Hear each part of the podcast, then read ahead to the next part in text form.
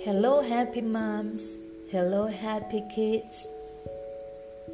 It is a very, very true happiness that you tell a story before go to bed or any time that you have a time to tell the story.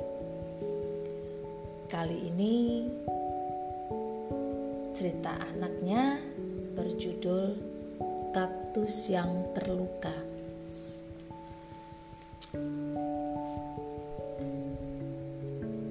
Seorang anak bernama Sora merasa sedih sekali karena sering dihina oleh teman sekelasnya. Ya, sering disebut cebol. Kesedihan Sora telah membuatnya lupa diri, sehingga ia melampiaskan kesedihannya dengan memotong semua duri kaktus dengan pisau. Kaktus itu adalah tanaman kesukaannya Sora. Setelah Sora melukai kaktus itu, Sora berlari masuk ke kamar dan menangis.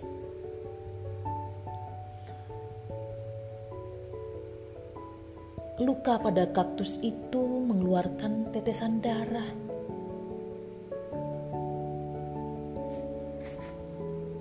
Tetesan itu mengenai seekor semut yang sedang lewat. Semut itu mendongak ke atas dan memastikan darah apa yang telah mengenai tubuhnya. Dan ternyata darah itu milik kaktus yang sedang terluka. Gerangan apa yang membuatmu seperti ini, hai kaktus tak berduri? Ungkap semut itu.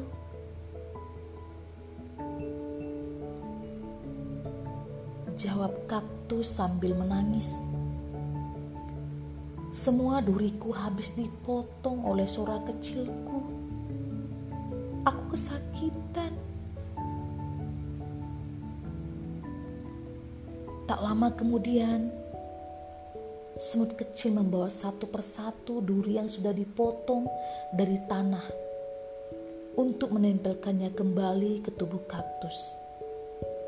Akan tetapi, usaha semut sia-sia. Lalu, semut berujar, "Apa yang harus aku lakukan lagi untuk membuatmu sembuh, kaktus?"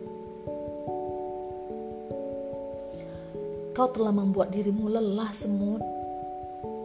Sudah seharian kau mengumpulkan duriku yang terpotong. Namun duri itu tidak bisa menempel lagi di tubuhku.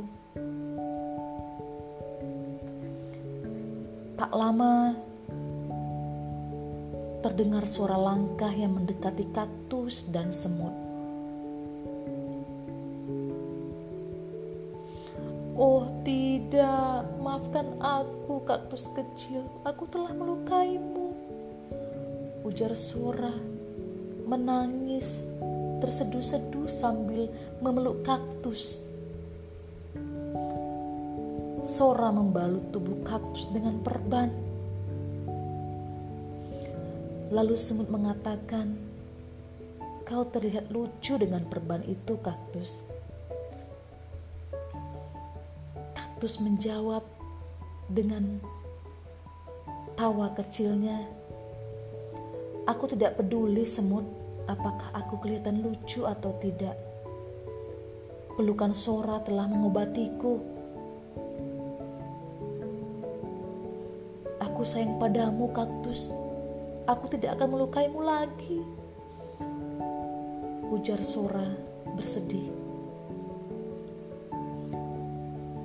Lalu kaktus berujar kepada semut,